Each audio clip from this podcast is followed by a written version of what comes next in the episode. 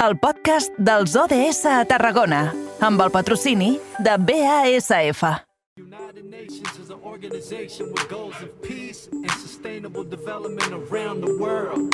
Their mission is huge, but we're breaking it down in two minutes. 17 sustainable Passen 6 development minuts del punt de les 6. Hora perfecta, hora idònia per aturar-nos als estudis de BXC Ràdio. Allí tenim sempre puntualíssim en aquesta hora de la tarda el nostre company Eric Rosique. Eric, bona tarda, bon dimecres. Bona tarda, Edu, bon dimecres. Comencem a recórrer aquest viatge en el temps que ens du a l'any 2030. És un dels puntals d'aquesta temporada, en el marc d'aquests objectius de desenvolupament sostenible, que cada dia repassem des d'òptiques molt diverses. De fet, avui ens quedem amb eh, l'objectiu número 13, acció pel clima. Doncs sí, Edu, amb una un dels, dels ODS més importants potser, parlem de platges, parlem del nostre litoral i ens aturem fins a Vandellós i l'Hospital de l'Infant perquè fem referència que cinc platges han sigut reconegudes amb la bandera d'Ecoplayes. Concretament, aquestes platges són les de l'Arenal, les de la Punta del Riu, del Torn i de l'Almadrava i Cala Justell de Vandellós i l'Hospital de l'Infant per les seves polítiques mediambientals. Aprofunditzarem en aquesta qüestió i en aquest tema i per parlar-ne d'aquesta distinció parlem amb la tècnica de turisme de l'Ajuntament de Vandellós i l'Hospital de l'Infant, la Sílvia Carrillo. Molt bona tarda i benvinguda. Hola, bona tarda. En primer lloc, a, a grans trets, de què es tracta aquest distintiu de la bandera Ecoplayas per a aquells que no el coneguin? Doncs, a veure, és una, un distintiu que es donen des d'una de, des entitat que es diu Tegrus, val? I eh, donen en quant al compromís continu en la millora i la, la qualitat de les platges, de la gestió que es fa a les platges. Mhm. De fet, és un distintiu que atorga l'Associació Tècnica per a la Gestió de Residus i Medi Ambiente, ho diem així perquè és un distintiu a nivell estatal. Uh, Sí. Vaja, el, això posa hospital, a Vandellós i Hospital de l'Infant uh, com un dels més importants uh, d'arreu de, de l'Estat.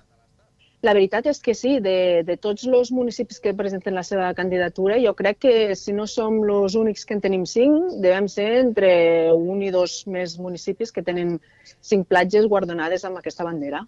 Uh -huh.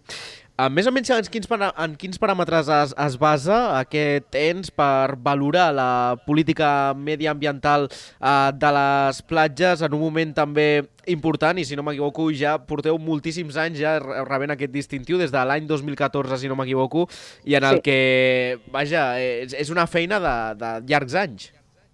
Doncs sí, mira, ja ho dius bé, des del 2014 que vam obtenir la primera bandera i progressivament hem anat obtenint, hem anat presentant les candidatures a la, a la resta de platges fins l'any passat, que vam obtenir la, la darrera que tenim, que és Cala Justell, i a veure, els objectius o sigui, es basen sobretot en la gestió que es fa, per exemple, dels residus, com se tracten els residus o com se gestionen la, la generació de residus a la platja, també el tema de, dels sistemes de neteja de la platja, d'elements de protecció que, o mesures de protecció que fiquem en, en platges que tenen determinat valor ambiental, com per exemple en altres és el tema de la, de la zona dunar que tenim no? a la platja de, del Torn i a la platja de, de l'Arenal.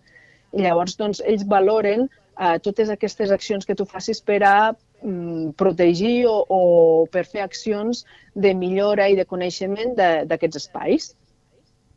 Senyor Carrillo, en el moment en què el litoral està amenaçat, de fet, eh, en un moment en què el litoral està al límit, i així ho diu eh, un informe que presentava tot just ara fa uns quants mesos eh, la Generalitat de Catalunya, en un context en què fins i tot s'ha creat una taula per al litoral sostenible, de la qual vostès formen part, suposo que és Sí. important que hi hagi reconeixements d'aquest tipus.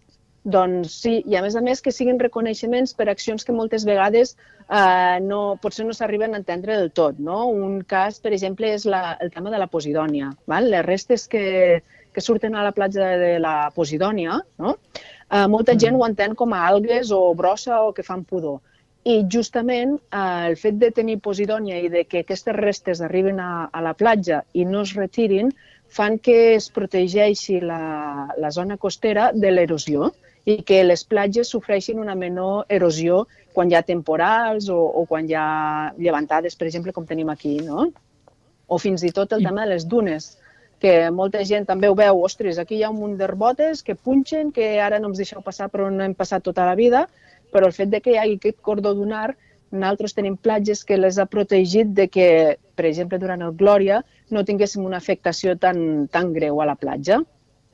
Per què costa tant això d'entendre, senyora Carrillo? Per què costa tant de fer pedagogia eh, en aquest sentit? Com és que hi ha veus tan discrepants amb eh, polítiques eh, mediambientals i conservacionistes en el nostre litoral enfocades en tot això que ara eh, apuntava. Medi ambient i turisme a les platges eh, són dos grans blocs que xoquen entre ells? Sí. No, no xoquen. Al final s'han de fer compatibles. O sigui, les platges són un espai natural que, que s'ha convertit en les darreres dècades en un espai altament antropitzat, o sigui que a la gent ens agrada molt anar a la platja, però alhora és un espai natural, no? I el que no podem pretendre és tenir una platja com una piscina, una platja sense pedres, una platja sense, tota, sor, tota plana, amb sorra, sense herbes, i potser ara hem de mm, tendir una miqueta a aquest canvi de mentalitat que potser és el més interessant són tenir platges el màxim naturalitzades possibles, perquè hem vist que les platges altament antropitzades no tenen una resistència tan elevada als fenòmens adversos com ara estem tenint últimament i dels quals l'informe del que parlaves eh, bueno, pinta bastant, bastant malament. No? Llavors, la nostra feina és una miqueta compatibilitzar aquests usos, no? els usos de, del turista, perquè realment el turista és, eh, aquesta activitat, el turisme ens reporta molts beneficis al municipi, però també hem d'entendre que tenim un espai natural que s'ha de gestionar i en segons quins moments s'ha doncs, de protegir. I nosaltres el que fem és, és pedagogia, al final. Eh, de les instàncies que rebem a l'Ajuntament el 2016-17, referent de que hi ha moltes algues, això fa pudor, algues, tal... Pues hem fet una campanya de conscienciació de platges amb posidònia i tot, i hem aconseguit eh, que la gent fins i tot eh, valori el fet de que hi hagi restes de posidònia a la platja. No? Uh -huh. En aquest sentit, en, amb aquests elements eh, que, que exposem sobre la taula, n'han de prendre nota els diferents municipis del litoral, eh, veure per ella també eh, les seves platges, sobretot amb aquest informe del que estem parlant, que també és molt important. Sa, eh, les mesures que, que dueu a terme des del consistori de Vandellós i l'Hospital de l'Infant eh, són un model a, a seguir o les platges tenen la seva naturalesa tot i ser un litoral de, de les nostres les contrades? Mira, cada platja té les seves característiques, val? però justament a, a, a, a la taula de, de treball que estem a, de municipis per un litoral sostenible s'està parlant d'aquest tema. No? En una de les edicions de la taula que vam fer es va presentar aquest informe, que, és, que realment és molt demolidor i, i llavors es va ficar damunt de la taula la necessitat de portar a terme polítiques conjuntes, polítiques conjuntes que ens ajudessin a, a minimitzar els possibles efectes adversos de cara a 25 o 50 anys que pintaven fins al punt d'una crescuda del nivell del mar de, si no recorde malament, d'un metre. D'un metre vol dir que, que, és que ja desapareixeran passejos, desapareixeran primeres línies, i clar, tot això, si no fem tu pots actuar com a municipi, però és una actuació que s'ha de, de preveure a nivell, eh, te diria, estatal. O sigui, és l'Estat que, que, que és qui ha de eh, preveure accions i polítiques per a minimitzar els efectes de, mm. del que esdevé, del que ve, vaja senyora Carrillo, i, i uh, s'ha de controlar també d'alguna manera l'accés de la gent en aquestes platges? Abans posava uh, de relleu el comentari que fa, per exemple, uh, alguna persona que uh, ha de travessar per una zona on hi ha dunes, on hi ha aquesta vegetació autòctona que uh, es punxa. Al final és el que tocaria no? en un ecosistema d'aquest tipus. Però uh, jo ara li parlo més aviat de la magnificació, en un lloc en què el turisme és un dels principals motors uh, econòmics, en un lloc on eh, hem assolit, eh, si no el topall, gairebé el que pot absorbir també el territori eh, en un estiu, sobretot al llarg d'aquests últims eh, dos o tres que hem viscut. S'ha de poder controlar també qui fa ús d'aquestes platges? A veure, platges? el tema és, també jo crec que està en la capacitat de càrrega de cada platja tu pots tenir una platja amplíssima que, per exemple, no té, no té dunes o no, no està tan naturalitzada que, que pot absorbir un volum de, de visitants molt més gran. No?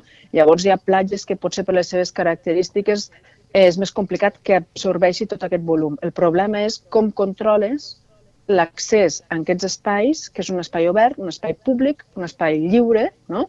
i el fet d'establir mesures no tothom ho entén. Bueno, jo suposo que al final serà a la llarga com, com quan algú comenci a ficar mesures, no? llavors ficarem. Ho hem vist molt clar amb el Covid. Amb el Covid teníem limitacions d'aforaments a platges. Val?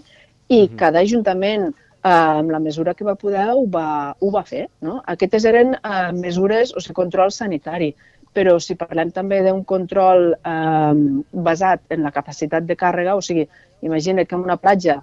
Eh, nosaltres, mira, t'explicaré un cas. Tenim un espai litoral que és una cova que, que darrerament ha agafat força fama i que és la sí, cova home, del Llop la, Marí. la coneixem, la Molt cova bé, del Llop Marí, molt bé. i tant. Doncs, i, I hem hagut de- d'establir de, mesures de, de regulació de l'accés perquè la capacitat de càrrega de la cova s'estava veient compromesa la seva viabilitat eh, natural. O sigui que eh, estàvem mm, veient que l'excés de visitants en aquell espai podia arribar amb el metre'l, no?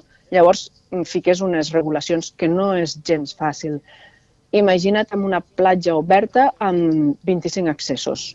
No sé, no sé com ho hauríem de fer. Tot i que les noves tecnologies eh, ens poden donar un bon cop de mà. Estic parlant de drons, estic parlant de càmeres d'infrarrojos que controlin eh, el, el, les acumulacions de gent, que mirin els fluxos de gent, eh, horaris, i tot això jo crec que seran un gran aliat per a, per a quan haguem de portar a terme aquestes mesures, la, la tecnologia serà un bon aliat. Mhm.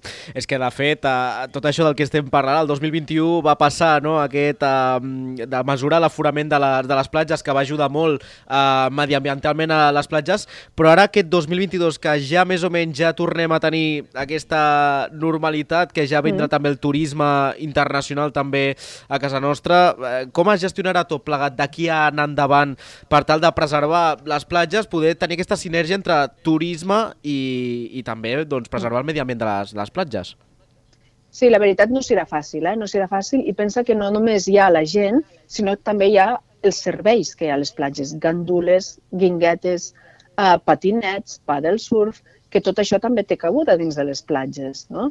Llavors serà, bueno, serà complicat. Tot i que, per exemple, jo t'estic parlant del meu, al nostre terme municipal, tenim un tipus de, de platja i un volum d'assistència que fa pensar que, no, que serà complicat que arribem a una massificació, no?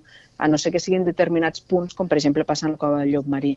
Però mm, la veritat no em vull pensar com haurien de fer un Barcelona, un, un Sitges, no? per, a, per, a fer, per a fer aquest tipus de regulacions. No? I quin tipus de llei, també, perquè, clar, com regules un accés en un espai, el que comentava abans, no? un, en un espai públic, un espai que és de tothom i és, és complicat, no? Déu nhi dels reptes que hi ha per davant eh, i, i el que tenen les eh, administracions eh, en, eh, en un espai que tampoc és de la seva competència, perquè de, per Exacte. poder actuar sobre el terreny eh, eh, s'ha d'instar a costes de, de l'Estat. Per tant, aquí sí. Sí. ja parlem eh, d'una altra, altra magnitud. A l'hora de, també de, res, de, de respondre a les pressions que es puguin rebre per part, Sí. jo ara dic del, per part del sector turístic, per part del sector de l'hostaleria, que Clar. eh, potser fins ara ha estat instal·lant les terrasses sobre mateix de, de la sorra de la platja, però que de mica en mica veu com aquests espais recuperen la seva naturalitat i per tant han d'adaptar també la seva activitat. Vull Clar. dir que, que, que és una No d'aquelles qüestions que, no- no que no és gens és fàcil. fàcil. No. Que no I d'aquí també la importància d'anar tots junts no? a l'hora de a l'hora de prendre determinades decisions que potser no s'entenen si les pren un ajuntament, però imagina't que les prenen no sé, 15 ajuntaments del litoral, no? Llavors, doncs, tu tens més força a l'hora de- de- d'arrencar aquesta mesura que pot ser més o menys polèmica. Sílvia Garrillo, tècnica de turisme a l'Ajuntament de Vandellós i l'Hospitalet de l'Infant. Gràcies per compartir amb el carrer Major de les ràdios de la xarxa al Camp de Tarragona aquests minutets i enhorabona per aquesta bandera Ecoplaies. Gràcies a vosaltres.